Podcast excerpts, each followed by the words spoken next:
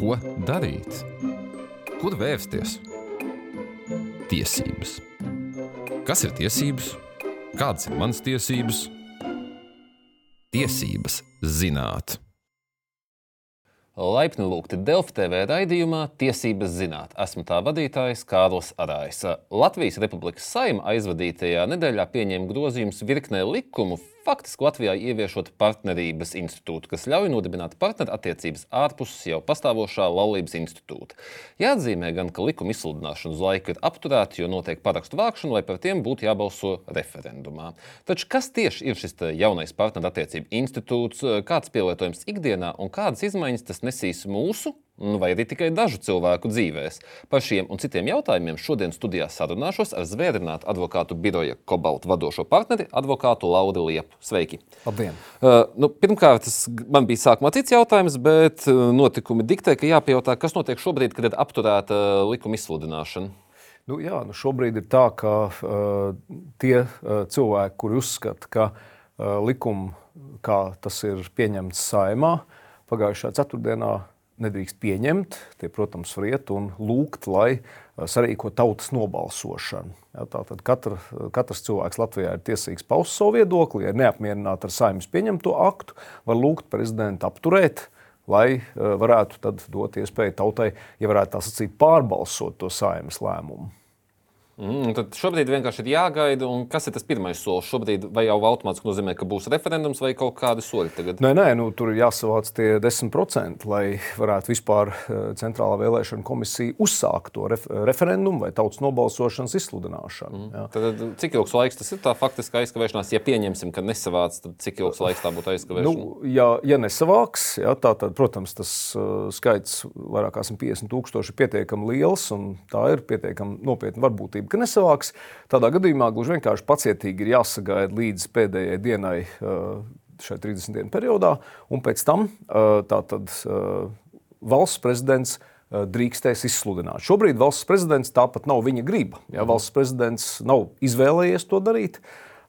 Kaut arī tas, protams, izskatās pēc tāda vieda politiska lēmuma, ļaut uh, oponentiem, tiem, kas iebilst pret šo saimnes lēmumu, paust savu viedokli un tad redzēt, aritmētika ir vai nav. Ja? Tad faktiski 30 dienas šobrīd ir tas periods. Jāsagaida pacietīgi, mm. un tad, kad uh, beigsies, tad, kā saka, cāļu skaita rudenī, ja, tā tad. Uh, nu, mēs tuvāk Ziemassvētkiem sanāk šo. Nu, tā sanāk, jā, un tas tāds interesants brīdis, jā, tāds gaidīšanas laiks ne tikai kristīgā tradīcijā adventē, bet arī Latvijas politiskajā tradīcijā. Uh, Paralēli tam, protams, notiek budžeta likuma apspriešana, būs daudz citas aktualitātes, un iespējams partnerības jautājums vairs nebūs nu, tik sāsināts, netiks uztverts tik sāsināti, kā to uztvēra uh, šobrīd, kad, kad uh, saimnes opozīcija zināmā mērā neparasti vienojās salīdzinoši uh, radikāli pretēji viedokļi, pretējas ideoloģijas, vienojās šajā jautājumā, lai nepieļautu partnerības institūtu ieviešanu Latvijā. Ja? Nu, paskatīsimies, kā būs gājis viņiem, un pēc tam, ja valsts prezidents redzēs, ka nav uh, savākts tas nepieciešamais uh, balsu skaits, lai iebilstu, lai sarīkotu tautas nobalsošanu. Uh, ja nav šo parakstu, tad valsts prezidents varēs izsludināt šo likumu. Mm. Viņam faktiski būs pienākums izsludināt šo likumu. Par to tad skaidrs, un tagad iesim jau pie pašiem tiem grozījumiem. Grozījumi virkne, virkne dažādu likumu, bet skatīsim Jā. to vienoti kā vienu veselumu. Un tad varbūt īsumā tāds kopējais, ko tas bija līdz šim un kas būs tagad. Kas ir tās būtiskākās izmaiņas ar šo pakotni?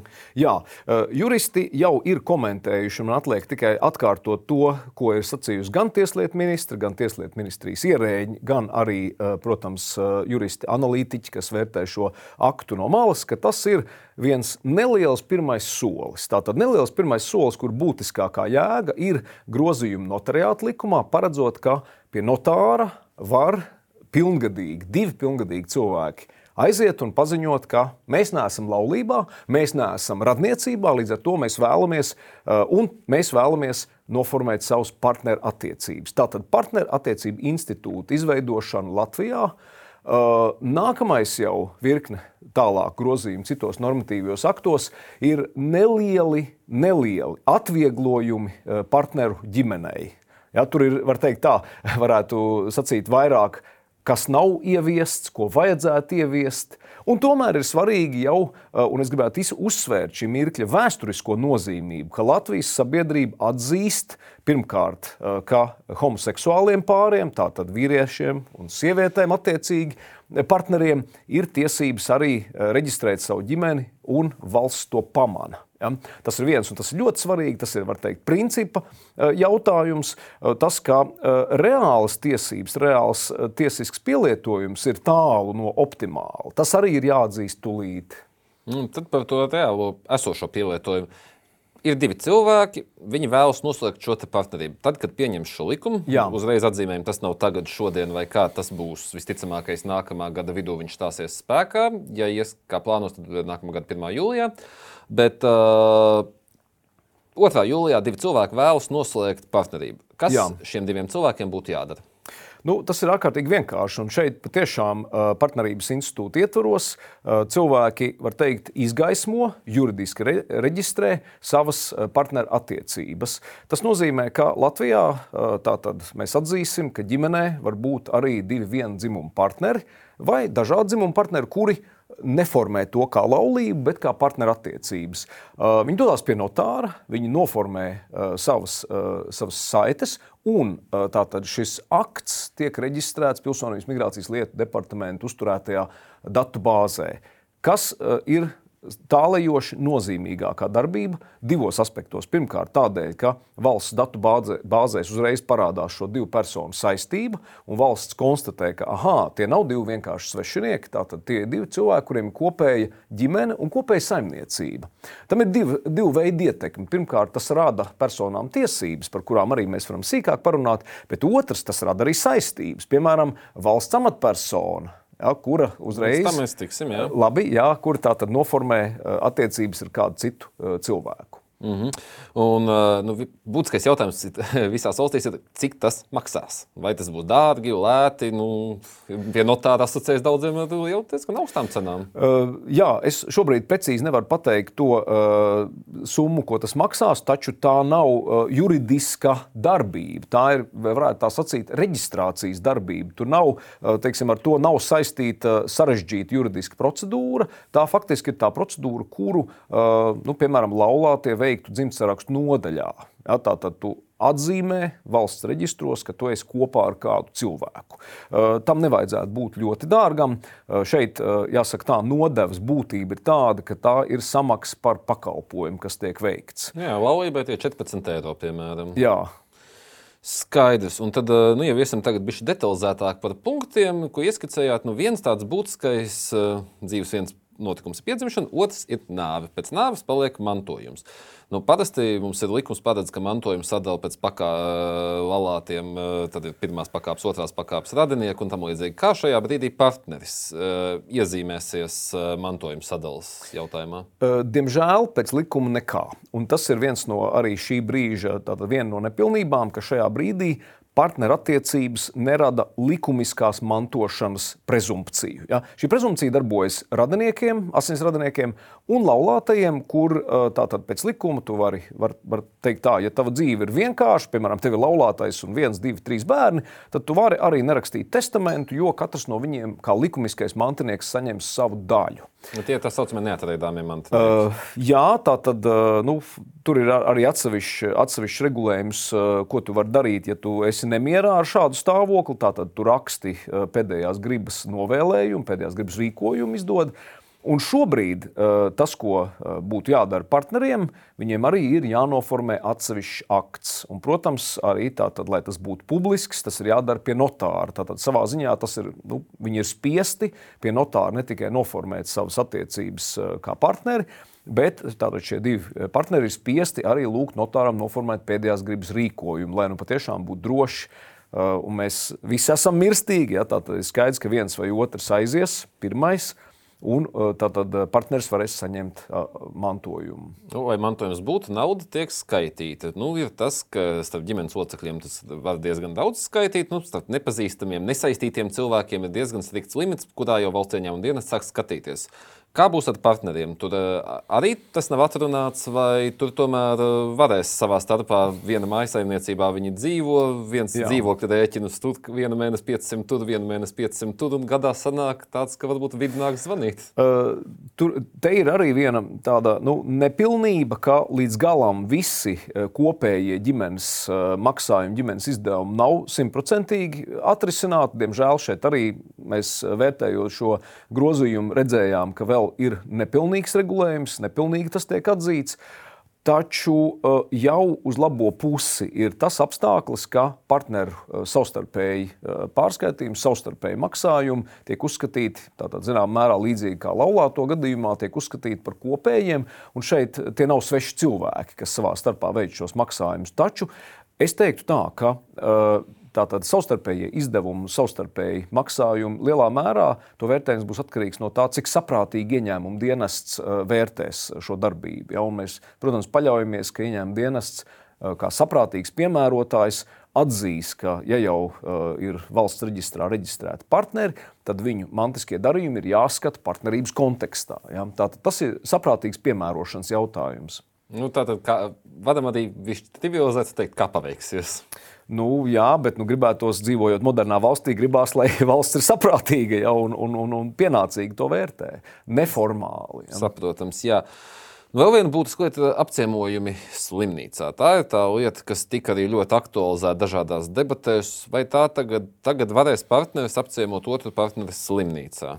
Jā, tā arī ir priekšrocība, ko dod šī reģistra izveidošana, kurā parādās partneru attiecības. Jā, tātad, ka tie nav sveši cilvēki. Un šeit arī nav vairs atkar, jā, jā, jākārto īpašs nākotnes pilnvarojums, kā tas līdz šim un joprojām vēl aizvien notiek.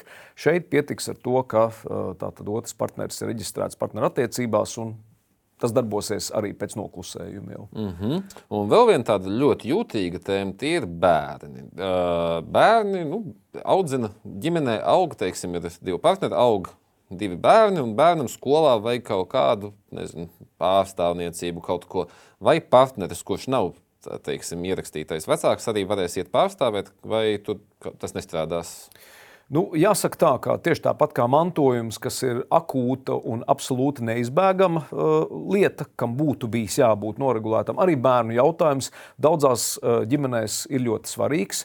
Sāksim ar to, ka statistiski Latvijā lielākā daļa bērnu vairs nedzimst laulībā. Tā tad ir skaidrs, ka šo jautājumu likumdevējiem atbildīgi pieejot vajadzēja noregulēt. Likumdevējs klusē par šo. Ko tas nozīmē? Ja likumdevējs klusē, tad arī šajā jautājumā uh, būs nepieciešams, nu, uh, teiksim tā, ja to var uh, mainīt ar ierakstu dzimšanas tātad, nodaļā vai tātad bērnu dzimšanas apliecībā, ja piemēram ir tikai viens vecāks norādīts, ja, tad, protams, ka uh, it īpaši tas attiecās uz divu vienzimumu vecāku ģimeni. Ja, tā tad tu vari iet un uh, censties uh, to noformēt mm, ar, ar šo uh, bērnu dzims, uh, dzimšanas apliecību ja, vai dzimšanas uh, bērnu vecāka uh, maiņas aktu. Taču, uh, diemžēl, šis jautājums tāpat vienkārši iestādē nevar tikt risināts. Tas tāpat būs jākārto tiesās. Domājot par vienzimumu vecākiem, uh, Ja, piemēram, kopā sāk dzīvot divi partneri, tad viņu attiecības valsts piekrīt reģistrēt, un notārs to izdarīs. Bet, lai šī ģimene legāli būtu ar bērnu, tas atkal būs jādara atsevišķā tiesas procesa kārtībā.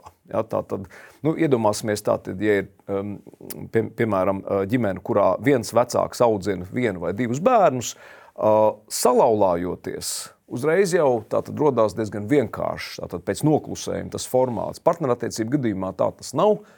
Te ir atkal jākārto tas vai nu iestādē, vai arī tiesā, atkarībā no konkrētā gadījuma. Tas, ko es jau jūtu, mūsu sarunāks iezīmēs, ka virkni jautājumu, kuri tāpatās būs jāiet pie notāra, jākārto e, papildu kaut kādi akti, būs jautājumi, kas būs jāiet uz tiesu. Uh, nu, teiksim, tās pašas tiesvedības. Es varu jautāt, nu, mums šobrīd jau ģimenes, vairākas ģimenes, viens un ģimenes, kas atzītas par ģimenēm ar tiesas spriedumiem. Uh, Pirmkārt, vai šāds process pats par sevi šobrīd jau ir vienkāršs, vai tas ir joprojām teiksim, juridiski sarežģīts šiem ģimenēm, un otrs, vai tāds process būs vajadzīgs uh, pēc tam, kad šis likums stāsies spēkā? Nu jā, tā tad ir jāatzīst, ka joprojām mums ir vairāki desmit pieteikumu ap 50 tiesās, kas prasa tikai un vienīgi savas partnerības reģistrēšanu, lai to atzītu kā ģimeni. Tas ir tas, ko tiesas līdz šim, administratīvās tiesas līdz šim ir darījušas efektīvi, sekmīgi, ātri un vienkārši. Tas process ir viegls arī tādēļ, eh, ka eh, valsts eh, pārvaldes iestādes, kas atbild attiecīgi ministrs kabinets vai tieslietu ministrija, neceļ principiāls iebildumus, un šis process tiešām iet viegli, vienkārši un diezgan ātri. Tas joprojām notiks, kamēr tiks izsludināts partnerības likums. Pēc likuma spēkā stāšanās uh, Nu, acīm redzot, eh, ja tu vari iet pie notāra un to nokārtot vienkāršā veidā ar eh, šo notariālo darbību, tad eh, uz tiesu, protams, nav jāiet. Uz tiesu tomēr būs jāiet jau, kā pieminēju, lai, piemēram, atzītu, ka arī bērniņš, kas ir divu partneru ģimenē, tiktu atzīts par ģimenes locekli. Un tāpat arī citos gadījumos, kuros nu, tā vienkārši nevar ar iestādi vai iestādē atrisināt to jautājumu. Tā kā tiesas process, diemžēl, vēl aizvien būs. Un pat nu, laulāto attiecībās pastāv arī dažādi nodokļu atvieglojumi, visādi savstarpēji. Vai, arī, vai tādi būs arī partneriem? Pilnībā visi nav, diemžēl, vēl atrisināti. Tātad tas arī būtu jautājums, kas būs jādara nākotnē. Taču, nu, protams, mēs varam cerēt, ka nākotnē to izdarīt būs vieglāk, jo pastāv jau tātad, partnerības reģistrs. Tātad nav jācīnās un nav jāpierāda, kas ir tas otrs cilvēks. Tu vari teikt, ka mēs esam atklāti noformējušies kā viena. Runājot par nodokļiem, mēs varam tiešām lietot šo ļoti pragmatisko apsvērumu, viena saimnieciskā kopiena ja, vai viena saime. Ja, tā, tā ir viena ekonomiska vienība, un tu vari uztvert šos divus, līdzīgi kā piemēram bankas, skatoties uz kredītņēmējiem, potenciāliem skatās uz ģimenes locekļiem, kopējiem ienākumiem. Ja. Protams, jā. Bet nu, ne viss ir mūžīgs, arī partnerība var izbeigties.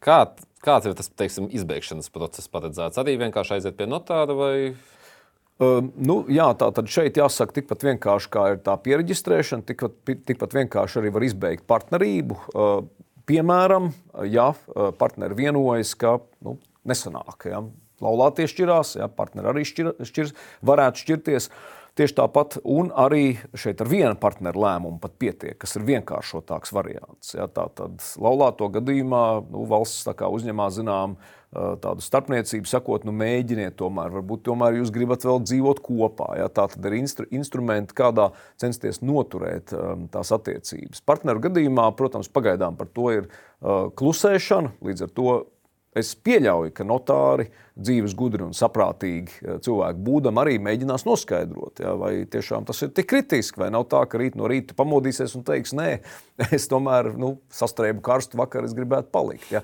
Tas ir jautājums, protams, kā saka, atkal saprātīgi piemērotā. Nu, tas arī ir tas, ko mēs praksē redzēsim, kas praksē izkristalizēsies labākie piemēri. Nu, tieši tā, jo, jo faktiski notariātam, man liekas, ka tā ir tiešām eh, ļoti labs, tas ir labs veids, ka tieši notāriem ir uzticēta šī Eh, funkcija gan reģistrēt gan attiecību sākumu, gan arī iespējamo attiecību izbeigšanos, jo notārim ir jau pieredze. Tātad viņi jau diezgan labi saprot, eh, kas ir tie gadījumi, kurus gadījumus tu redzi, tas ir bezcerīgi, patiešām, lai labāk šķirās, un kuros gadījumos tomēr nosēdināt pie galda un teikt, padomājiet, ja, vai tiešām jums ir jāiet projām. Ja. Tā kā man tiešām ir prieks, ka notāri arī piekrituši to darīt, un notariāts labprāt uzņemās šo funkciju. Mm, es domāju, ka tas ir labs risinājums. Mm -hmm. Man bija arī daži jautājumi. Es eh, gatavoties raidījumam, uzdevu lietotnē X, agrāk zinām, kā Twitter eh, skatītājiem jautājumus, un te ir daži. Viens ir par mantas kopību, jo nu, laulības gaitā, teiksim, ir tas laulības laikā iegūtais tiek uzskatīts par laulāto kopīgi iegūtu mantu, kas tad arī tiek dalīts šķiroties. Vai ir partnerība līdzīga? Kā ir partnerības laikā iegūto mantu? Jā, nu šeit jāsaka, arī tas ir vēl pagaidām nerisināts jautājums. Uh, un, ja citos gadījumos uh, man, manuprāt, mani kolēģi, kas aprakstīja uh, partnerību, ļoti precīzi sacīja, ka šobrīd ir atrisināts tikai pamatjautājums starp individu un valsti, individu un publisko varu, bet individu starp, savstarpējie jautājumi pagaidām nav atrisināti. Nu, lielā mērā šie savstarpējie jautājumi, cik tālu tie ir civiltiesiski, tie tiek risināti, ņemot vērā to abu līdzēju, vai ja tā ir lielāka ģimene, tad vairāku uh, personu gribu kā tas notiek, nu, piemēram, ja partnerībā aug bērni. Ja, tie šobrīd nav aprakstīti, nav reglamentēti, tātad tie būs atkarīgi no uh, lielā mērā vai nu pašu cilvēku spējas vienoties, vai arī no tiesas, ja tas būs tiesā. Tā, tā arī ir uh, situācija, kas, protams, laulāto veidotās ģimenēs ir vienkāršāk, jo tur ir atkal jau prezumpcijas. Ja, ka, kā jau taisnīgi jūs norādat, ja, ja mēs dzīvojam kopā, tad neatkarīgi no, no kaut kāda tā efekta, ja, mēs uzskatām, ka tas viss, ko mēs darām, neatkarīgi no tā, kurš ir aktīvāks tur bijis tajā teiksim, darījumā par īpašumu iegādi, tas ir kop, kopīpašums. Ja. Šai gadījumā tā nav, un tas arī būs lielā mērā atkarīgs no prakses. Ja vien atkal jau likumdevējs nenāks palīdzīgā saulēcīgi. Vēl viens tāds būtisks jautājums ir datu publiskums. Jo, teiksim, nu, fakts par laulību, tas ieraksts ir būtisks gan nekustamā īpašuma darījumos, gan jūs jau iepriekš pieminētajā tagad tēmai nonākam amatpersonu deklarācijās. Uh, Kā tas būs, piemēram, vai es varēšu redzēt amatpersonu, ja norāda, jo nu, tas varētu tomēr būt būtiski, ja partneris amatpersonu atbalsta, nezinu, partneru uzņēmumu uz, uz varu iepirkumā. Jā.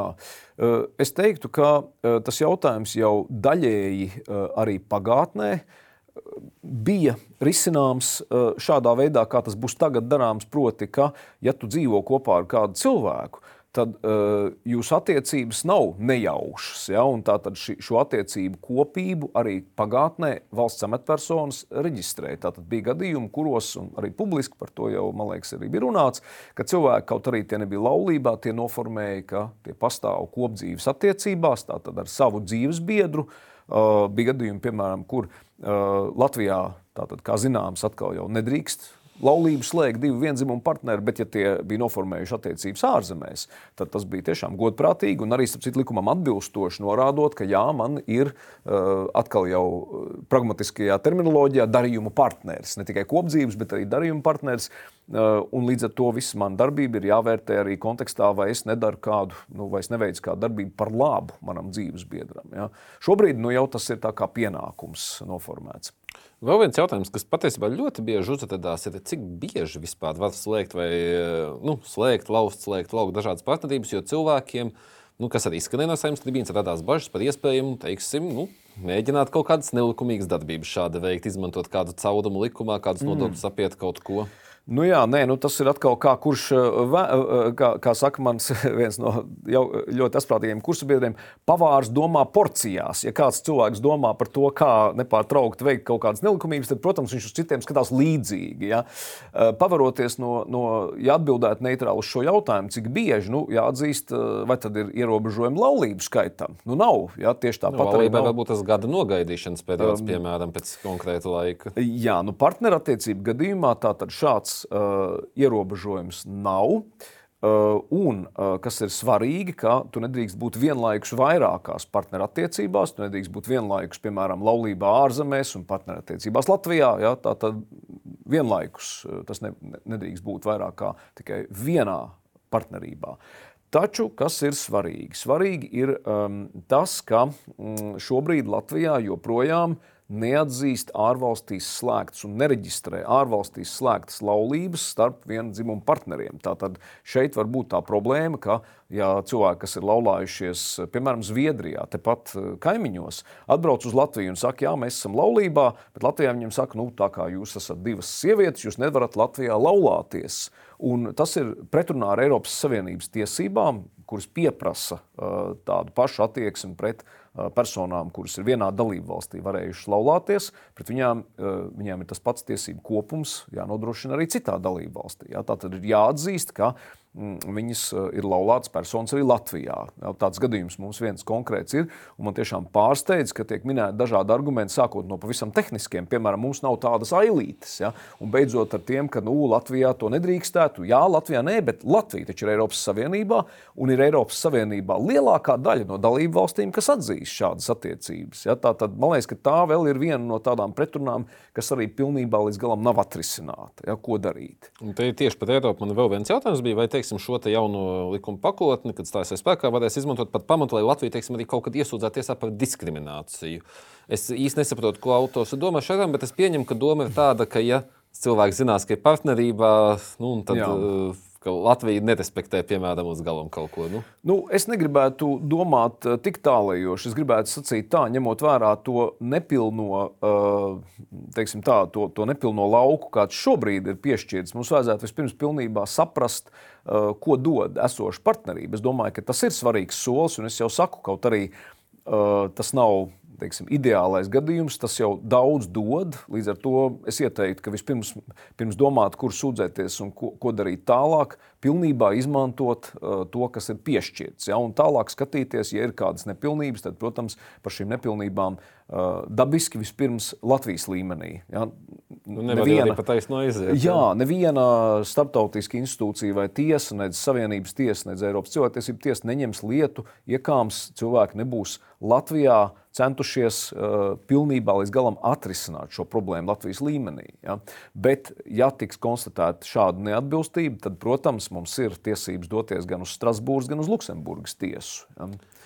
Tā, sarunā mēs diezgan daudz esam runājuši par to, ko nevar. Ko var. Varbūt tagad, jau raidījuma beigās, es jums varētu palūgt sākumā ieskicējumu trīs būtiskās lietas, ko šis dos cilvēkiem, tāda kā bullet point saucamie, un tad beigās, ir, kā es smējos, min, minūte brīvo mikrofonu, kas varbūt tas būtiskākais, kas jūsuprāt šobrīd ir cilvēkiem, kam šis ir aktuāli, būtu jāzina, jāņem vērā un varbūt jāgatavojas nākamajai vasarai, ja, protams, nebūs referendums, kurā tauta pautīs pretēju gribu. Jā, jā, protams, nu, tā, tā, tas ir būtisks nosacījums, ka ir uh, iespēja, ka vēl būs tautas nobalsošana, un tas nestāsies spēkā tik drīz.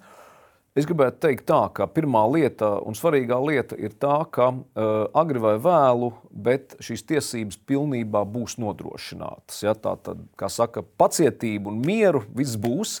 Otrakārt, jau tūlīt ir jāizmanto likumdevēja piešķirtās tiesības. Ja, tā tad ir jāiet un jāreģistrē partnerība tām, tiem partneriem, kuri šobrīd faktiski dzīvo kopā bet juridiski nekādi nav saistīti. Ja? Jo tas dos vismaz tiesību minimumu. Un otrkārt, aktīvi, mērķtiecīgi jāizmanto tās tiesības, kuras likumdevējs šobrīd ir piešķīris, lai saprastu, kas ir tūlīt nepieciešamais nākamais līmenis. Ja? Un tad mēs varam iet tālāk un skatīties, Un atkal man jāsaka tā, ka uh, man liekas, ka mēs jau esam par to vairāk kārt runājuši, ka tiesības ir piešķirtas modrajiem. Ja cilvēki tās negribēs izmantot un neprasīs, tad, protams, neviens tās arī nedos. Ja? Katram ir jāiet un jācīnās par savām tiesībām. Nu, tieši tāpēc arī šis ir raidījums Tiesības zināt, kurā un teikšu jums paldies par sarunu. Un ar jums, dārgie skatītāji, klausītāji, tiksimies jau pēc divām nedēļām. Un atcerieties, mums visiem ir tiesības zināt savas tiesības. Atā! thank you